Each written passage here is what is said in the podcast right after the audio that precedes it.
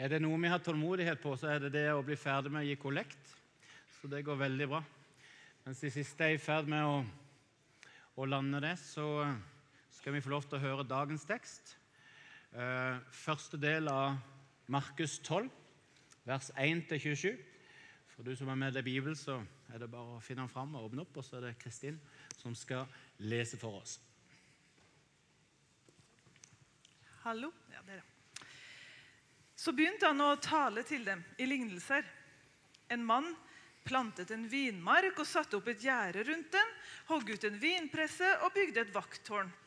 Så forpaktet han det bort til noen vinbønder og reiste utenlands.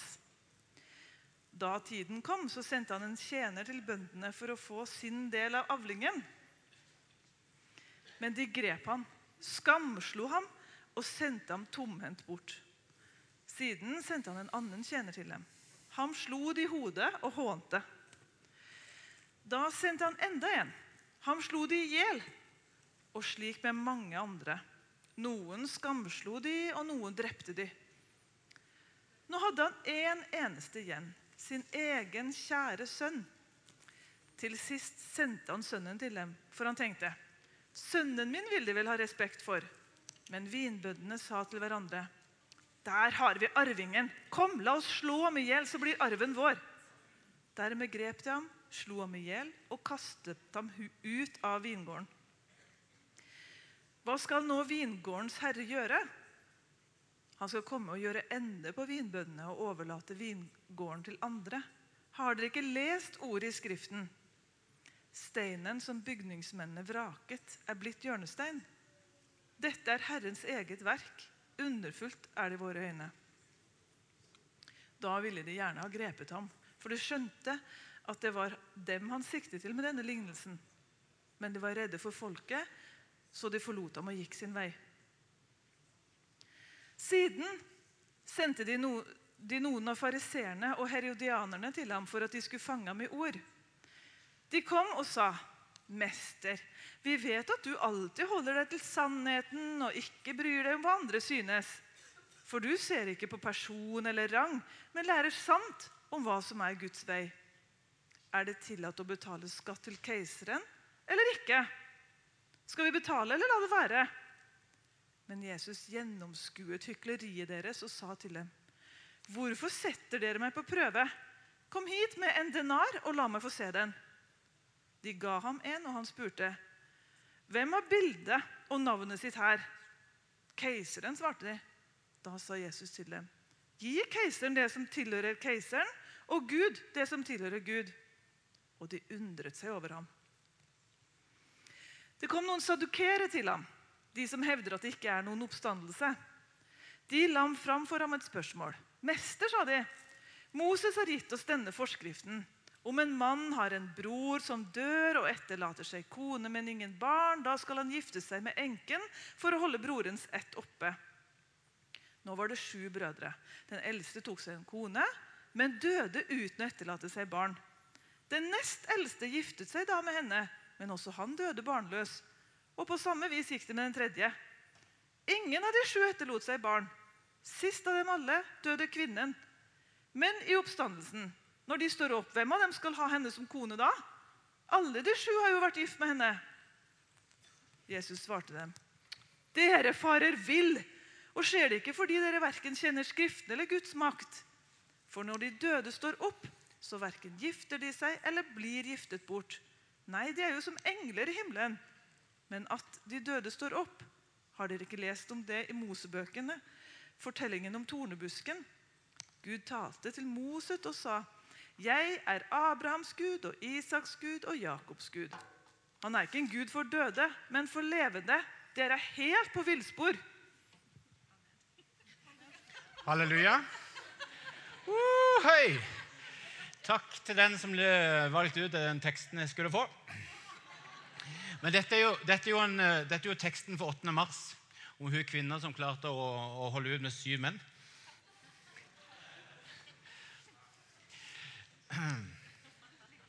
Det, det, er anerkjennelse, altså. Det, det, står det respekt av. Nei, vet du hva? Dette er en tekst som utfordrer meg kraftig. Um, dette du nå skal få lov- til å høre, er faktisk den tredje versjonen av talen. Jeg har skrevet to hele før denne her. Eh, Her krasjer det med et brag mellom Jesus og de religiøse lederne. Det er sånn Og det, det, det er så det suser. Heftig, rett og slett. Og Gang på gang så har jeg latt meg rive med av konfliktnivået i kapittel 12. Og De to første versjonene ble krevende og utfordrende i stilen.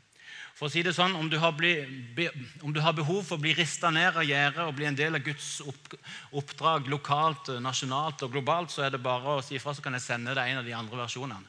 Og Det var ganske heftig og, og, og utfordrende.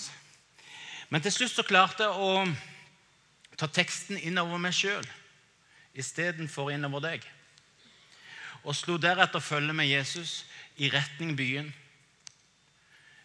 I retning byen han visste han kom til å dø i. La oss be. Herre Jesus, takk for at du er midt iblant oss. Takk for at du er midt iblant oss akkurat nå, akkurat her. Oh. Der hvor du er midt iblant oss, kan alt skje, Gud.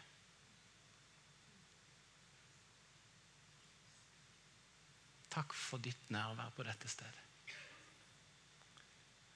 Takk for at du er en Gud som er så nådefull at du, du gir oss mennesker sjanse på sjanse på sjanse.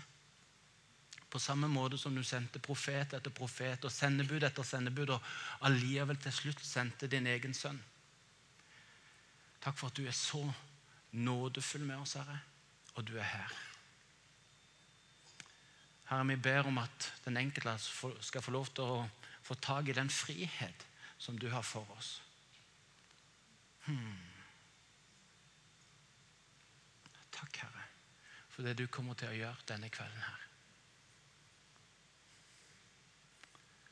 Oh.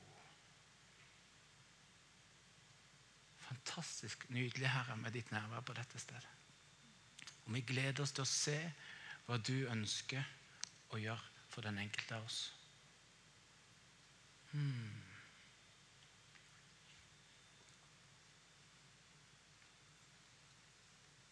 Og Så bryter vi alle disse negative påvirkningene som vil prøve å bremse, hindre og stoppe det du har bestemt for i kveld. Som setter seg opp mot den friheten som du har å gi. I Jesu navn så må alle sånne påvirkninger og krefter forlate dette stedet i Jesu Kristi navn. Amen. Jesus er en eh, dyktig historieforteller. Og det er ikke tvil om at de religiøse lederne forstår hva han mente. Etter fortellingen helt i begynnelsen av kapittelet her om vingårdsbøndene, så sier Guds ord at eh, da ville de gjerne ha grepet han. Da ville de ha skalla han ned eller hivd en kvernstein rundt halsen og putta han i en av de nærmeste elver. Da ville de gjerne ha grepet det det var så intenst. Der og da så tenner de så i bånd. De er så nære på å ta ham. Da ville de ha grepet han. For de skjønte at det var de han sikta til med denne lignelsen.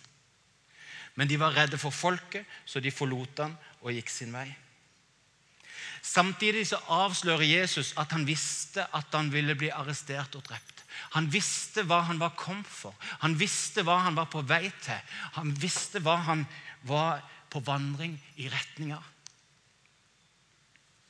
Senere vet vi at det kosta blodtårer å ikke flykte fra dette kallet. Men Jesus vet at det er ingen annen vei om han skal fullføre oppdraget.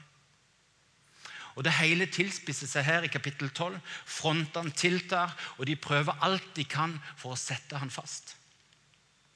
Og Dypest sett så handler det om å hindre Jesus i å fullføre oppdraget. De setter ut snare. Men gang på gang så går de tapende bort fra konfrontasjonen med Jesus. Mer og mer så går de seg bort i skogen av hat og sjalusi. Men eh, ser du, møtet med lys I møte med lys må alltid mørket vike. Må alltid mørket tape. Amen. Er ikke det nydelig?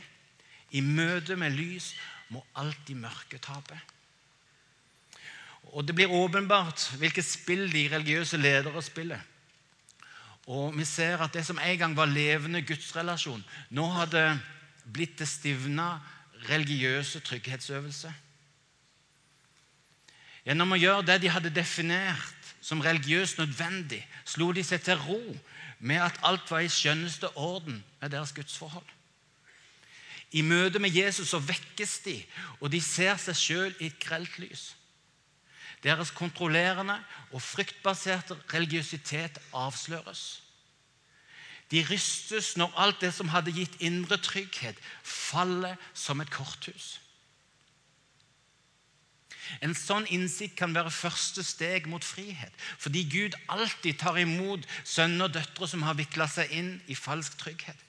Men for mange av de religiøse lederne så ble det bare enda et steg mot økt religiøs tomhet. Og Det er rystende å se hvordan de stadig blir mer og mer og mer opptatt av uviktighet. De roder seg inn i kampen for uvesentlighetens læresetninger. Samtidig så øser de på med enda flere reguleringer for å sikre seg mot alt det som de frykter.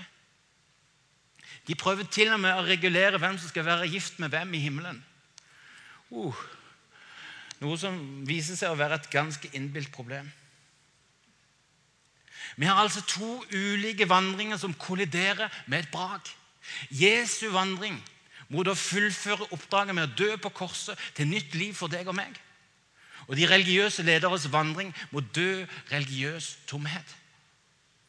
Og Religiøsitetens mål er å få Jesus bort fra å fullføre oppdraget. For å hindre deg og meg å bli fri fra frykt og all form for bindinger. Det er det som står på spill. Det er det kampen står om. Vi har sett en lignende vandring i, i, Jesu liv noe tidligere. Og Den gang eh, vandrer Jesus inn mot byen Jeriko. Mens gravfølget til en enkes eneste sønn er på vei ut av, av byporten. Jubel, frihet, nytt liv på vei inn, og død og håpløshet på vei ut. Alt snur når Jesus stopper opp hele gravfølget. Han er jo ikke tam. vet du. Der kommer de i prosesjoner, de har gråtekonene, de har ritualene. De, de er på vei ut. Alvoret er utrolig stort fordi en enkes eneste sønn er død. Og Det betyr at hele Nav-kontoret egentlig skal gravlegges utenfor byen. Det er hele sikkerheten, det er hele framtida. Det, det, er uh, i en sånn kultur uh, fullstendig katastrofe. Og, og, det toget går ut, og, og Jesu liv-toget går inn. Og så stopper Jesus opp. Han går rett hen til gravfølget og bare stopper hele greia og bringe nytt liv inn i den døde gutten og reise han opp fra de døde. Hmm. Sånn er Jesus. Han utfordrer det onde. Han utfordrer død, sykdom, lidelse. Og han utfordrer religiøsitet og alt det andre som prøver å frarøve oss friheten. Fra første spadetak går Jesus til frontalangrep på all form for ondskap og elendighet. Når livet rammer urettferdig, noe det har en stygg tendens til å gjøre Når noen blir holdt utenfor det gode selskap, når sykdom rammer hardt, så stiller Jesus seg opp på vår side og tar opp kampen sammen med oss. Gud står verken bak eller godkjenner noe som helst form for elendighet. Er ikke det ganske bra? Er nesten så du blir begeistra på innsida. Kjenner du det? Wow. Hæ? Gud står verken bak eller godkjenner noe som helst form for elendighet. Jo da, han, han, er i stand til å ta pur ondt og gjøre til noe godt, men han står aldri bak. Han står aldri bak. Og han aldri godkjenner. Ja, det er greit, bare gjør det. Nei, aldri. Ondskap er i seg sjøl alltid meningsløst. Likedan sykdom og ulykke. Mens djevelen prøver å legge skylda på Gud og prøver å få folk til å tro at Gud er medskyldig, så stiller Jesus seg på vår side og tar opp kampen mot elendigheten. Hans vandring mot korset handler om at alle mennesker skal få friheten tilbake. Og på langfredag prøver all verdens onde ånde å holde Jesus nede i dødens varetekt. Men også den kampen vinner Jesus når han sprenger seg fri og viser seg sterkere enn de alle. Amen. Det er sterkt å se hvor heftig begeistra det blir på innsida sånn uten at noen kan se det. Vet du hva? Det, da skulle jeg få lov til å stå her og bare se hvor det Det, det er nydelig.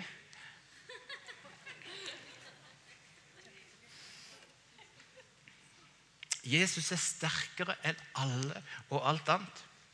Vi ser når kreft er sporløst borte når vi har vært og bedt. Det gjør inntrykk på meg å, å bli ringt eh, eh av ei dame på Bryne. Hun hadde vært og, og fått påvist eh, flekker av, av, kreft og ringte og sa unnskyld å være til bry og alt det der, men kan du tenke deg å komme og be for meg? Og det, Jeg elsker jo sånne ting, for det, da kan jeg lære mer, og da kan jeg få lov til å være med på det Gud gjør. Så jeg sa selvsagt ja. Men jeg husker det veldig godt, for det var sånn i firetida på ettermiddagen, og jeg var ganske trøtt. Og som Jesus hadde fortalt om hele livet sitt, så greide jeg å duppe av. Akkurat så lenge at hun så det, og jeg merkte det. Eh, så jeg måtte liksom bare si at eh, ja, eh, jeg tror vi bare må be. Jeg tror ikke vi skal snakke mer nå, jeg tror bare vi må sette i gang og be. Og så, og så fikk jeg lov til å be Kom, Jesus, med helbredende kraft reiste hjem litt sånn skamfull, som seg hør og bør. Og så med neste skanning så var det ingen kreft. Kan du tenke det? Det er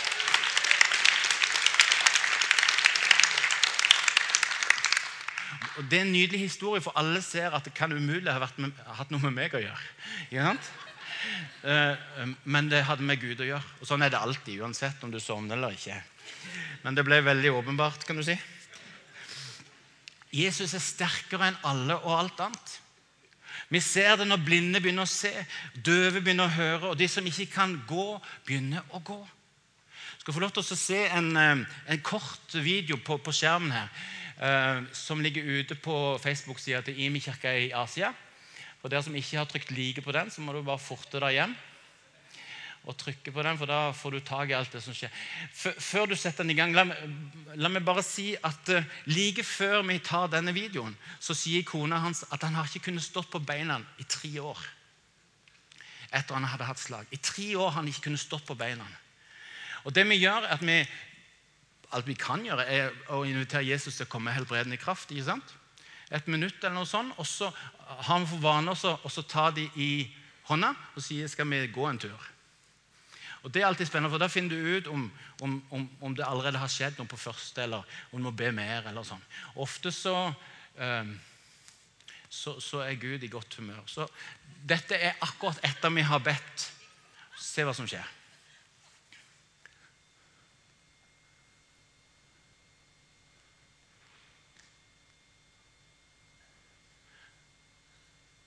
Det er lyd òg, men uh,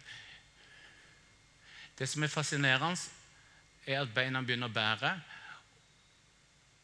Og etter hvert så slipper vi mer og mer taket. Og vi går tre lange turer på den marka. Og på slutten så holder han bare litt i hånda, og så, og så går han. Ser allerede her at vi begynner å slippe taket, og beina begynner å bære. Så bare går vi og ber, kjære Jesus, du er sterkere enn alt annet, så kom med helbredende kraft. ikke det nydelig?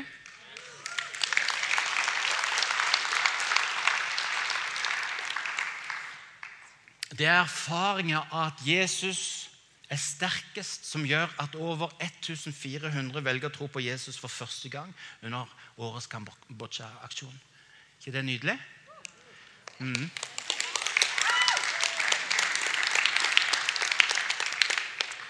Jeg skjønner jo at det er ganske vanlig at 1400 blir frelst, så litt sånn forsiktig klapping det, det Jeg skjønner det, altså. så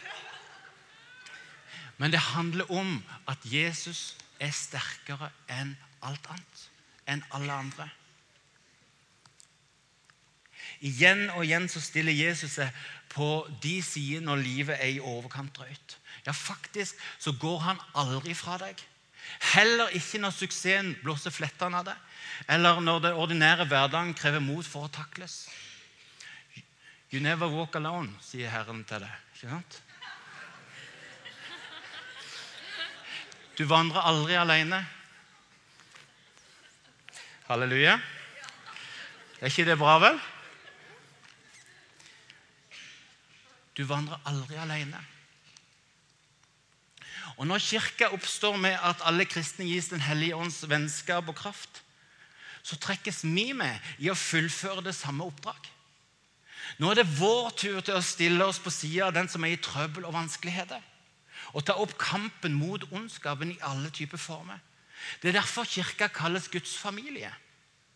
Igjen, Jeg prøver også å reise litt utover Jæren og be for folk. og Helst ting som er så vanskelig at det er bare Gud som kan gjøre det. Og kommer helt ut til Vigrestad, så, så er det liksom, kan kan vi, få lov til å betale litt for dette? her? Eller liksom, Så overvelder. Så sier nei, vet du hva? Ikke i det hele tatt. For dette er det det handler om å være familie. Det er dette det handler om når vi er Guds familie sammen. Når noen er i trøbbel, så er vi på en måte alle i trøbbel. Og Oppdraget vårt er å stille seg på sida den som eh, erfarer at livet eh, er drøyt, og så ta opp kampen sammen med. Mm, amen. Og nå er det oss religiøsiteten prøver å stoppe med å bevege oss bort fra vennskap med en pulserende og kreativ Gud over til fryktbasert sikkerhetsregler og tomt, prektig religiøst liv. Dette er ofte regler som hjelper oss til å komme fra det hele uten at det oppdages at vi egentlig bare lever for oss sjøl. Wow. Dette er ofte regler som hjelper oss til å komme fra det hele uten at det oppdages at vi egentlig bare lever for oss sjøl. Mens vers 27 i teksten vi leste, sier at han er ikke en gud for døde, men for levende. Amen. Hmm.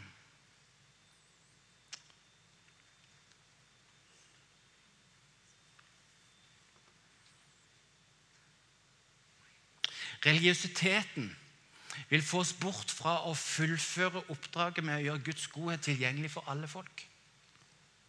Finurlige spørsmål og innvendinger får oss bort fra misjonsbefalingenes praktiske gjøremål. Religiøsiteten lurer oss til å tro at andre gode gjøremål er like viktig. At det ikke er trygt nok. At vi ikke har det som skal til for å fullføre oppdrag osv.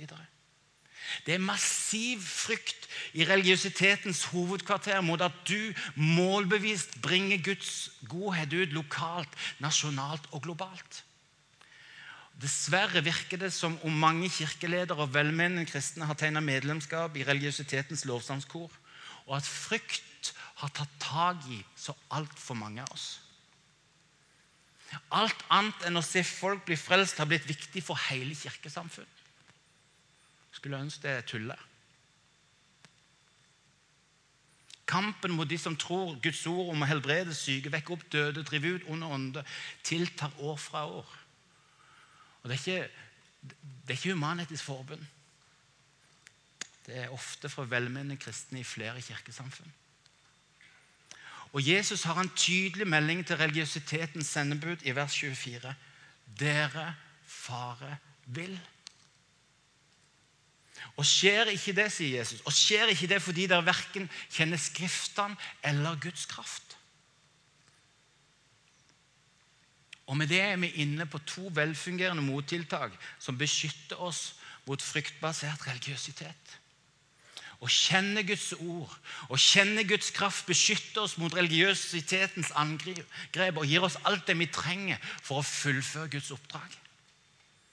I Guds ord hjelpes vi til å se oss sjøl, Gud sjøl og verden omkring oss, ikke med egne øyne, men med Guds øyne. Får du det med deg? I Guds ord får du hjelp til å se deg sjøl, Gud og verden omkring deg med Guds øyne. Ikke ut fra menneskelige begrensninger, men ut fra Guds muligheter.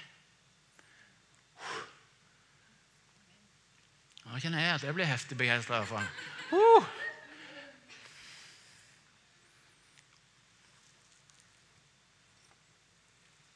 I Guds kraft finner vi alt det vi trenger for å se det såkalt umulige bli mulig. Her på huset så, så forklarer vi hva det vil si å være kirke med en trekant. Jeg elsker å plassere den sånn at den ser ut som et play-symbol. Du kan trykke for å få kirke til å fungere. Eh, og alt begynner opp i Guds nærhet. Der får vi alt det vi trenger for egne utfordringer. Der får vi alt det vi trenger for å ha mye å gi ut til de som ennå ikke tror på Jesus. Og Det vi får i Guds nærhet, det tar vi ut og gjør Guds godhet tilgjengelig for de som ennå ikke tror. Og De som kommer til tro i møte med godhet, helbredelse, ord om Jesus, de bringer vi inn i Guds familie. Hvor vi sammen får lov til å vokse i stadig mer kjennskap og kunnskap til hvem Jesus er. Og så sammen går vi opp i Guds nærvær. Får alt det vi trenger for eget liv og for alle vi kommer til å møte. Bringer det ut Det er de som ennå ikke tror. Og de som da kommer til tro, bringer vi inn i Guds familie. Hvor vi igjen får lov til å vokse sammen i kjennskap og kunnskap om Jesus. Og så går vi sammen inn i Guds nærvær og får alt det vi trenger. og bringer det ut til de som ennå ikke tror. Og de som kommer til tro, de bringer vi inn i Guds familie. Og så går vi, begynner du å skjønne tegninga? Amen.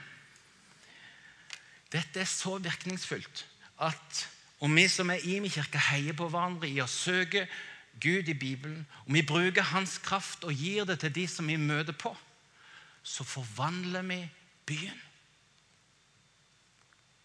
Om andre av Guds avdelingskontor på jord hiver seg på, så forvandler vi både Norge og nasjonene til å kjenne Guds godhet.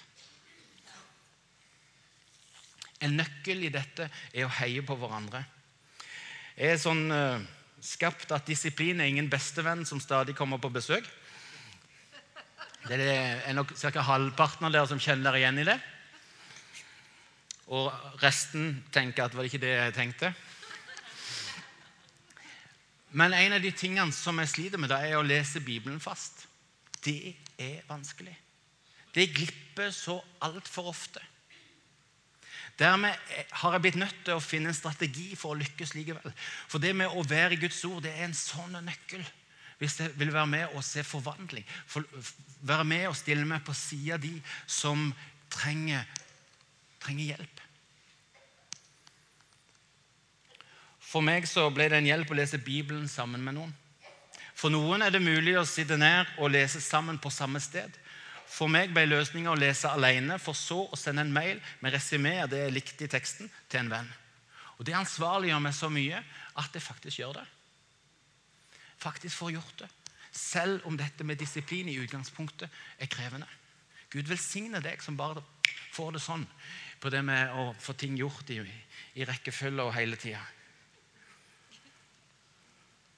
For å forstå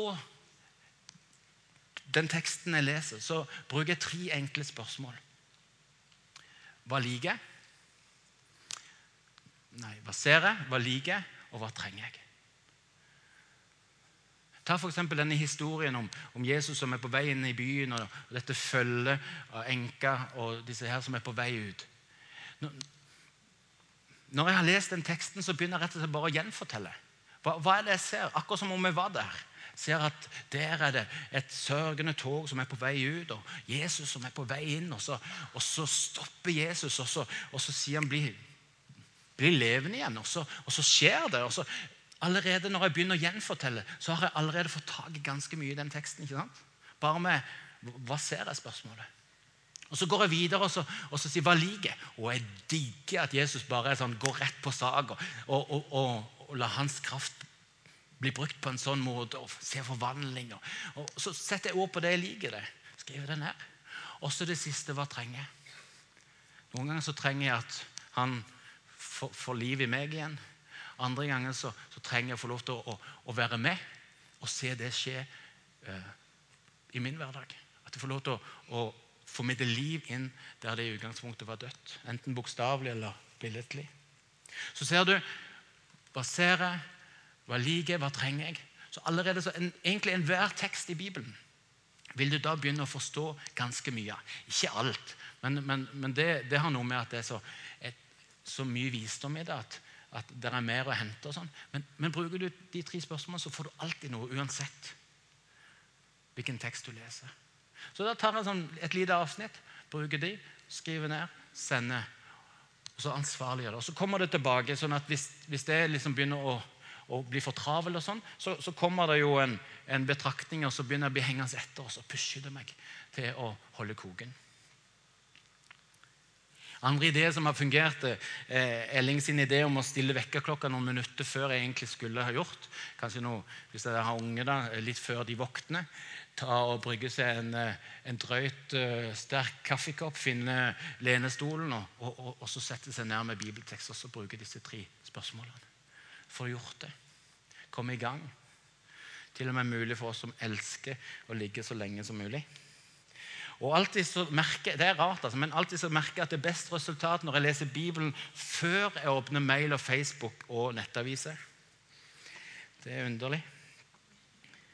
Og Dette kan du øve på. Enten så kan du sette det sammen med noen, eh, eller så, så kan du gjøre sånn mail-type ting. En, en, veldig praktisk idé for å komme i gang og for, for, for å få tak i Guds ord. For å være med og forvandle denne verden. Hva er sånn den enkle måten å få Guds kraft på? La oss avslutte med det. La meg få lov til å vise deg en eh, så enkel måte at du kan bruke det hvor som helst og når som helst. I det du trenger det, i det du er i en situasjon hvor du tenker wow, her trenger jeg Guds kraft for å se en forandring, så, så, så kan du bruke denne måten her. Det er så enkelt at uansett hvor du er, så kan du bruke det. La meg vise deg. Eh, la oss reise, så skal jeg vise deg. Når du er på Rema 1000 eller biblioteket, så er det ikke sikkert at du har så veldig behov for å rekke ut to tomme hender. Men eh, det kan være greit å gjøre når vi er sammen sånn som her. hvis du har lyst. Men ellers så, så trenger du ikke gjøre det heller. Uh, men det hjelper oss til å ha et visst fokus. Og så, bare begynne å si takk, Gud, for uh, din kraft. Og han er så klar for å gi deg sin kraft. Det er ikke sånn at du trenger å trygle om det, og så kanskje muligens så kommer han med kraft. Alt du trenger, er to tomme hender, så sier du 'kom'. Så la oss gjøre det. La oss øve litt sammen. Så nyter vi det sammen og tar imot av Guds kraft. Herre, takk for at det er så enkelt å få tak i din kraft. Vi har bare lyst til å si takk, Herre, for at du nå vil gi kraft til den enkelte av oss. Kan du bare begynne å si det høyt eller stille? Takk, Herre, for din kraft. også. Tar du imot Takk for din kraft, Herre. Takk for din kraft, Herre. Hmm. Nydelig, Herre.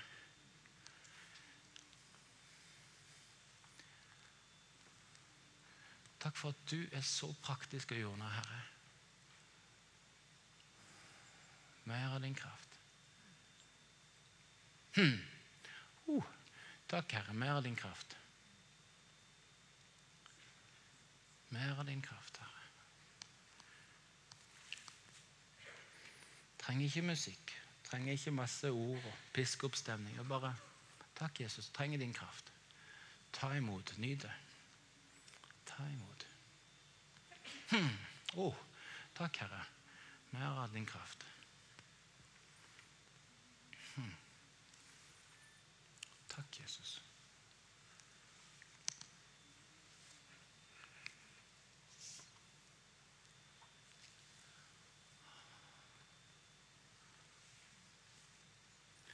Noen ganger føler du noe samtidig, men det, det er bare sånn bieffekt. Bare ta imot fordi at det som Gud gir deg kraft, egentlig helt uavhengig av om du føler det eller kjenner det. Så bare nyt å være i det. Bare ta imot. Vi er forskjellige og vil oppleve det forskjellige, men Gud gir deg. Bare si takk. Mer, Herre. Oh, mer kraft, Herre.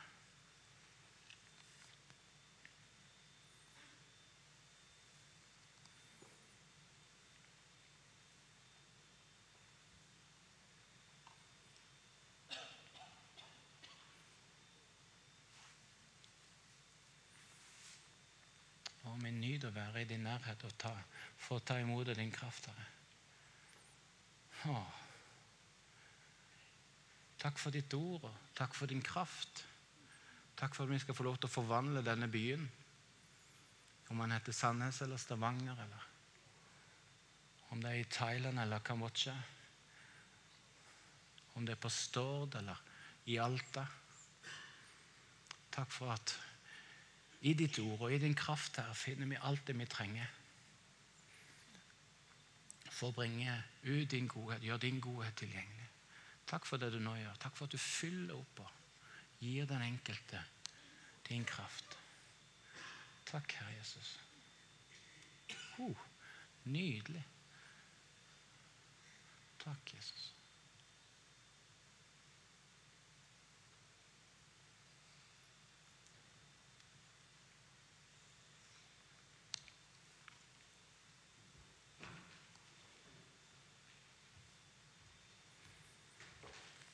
Takk, Jesus.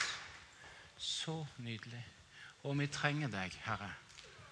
Vi trenger deg, Herre. Mer av din kraft, Herre.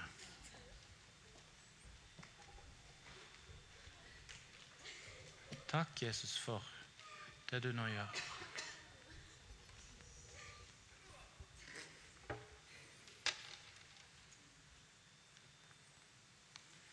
Takk, Jesus. Kan bare fortsette å ta imot, så lar vi teamet lede oss i, i lovsanger videre inn i Guds nærvær.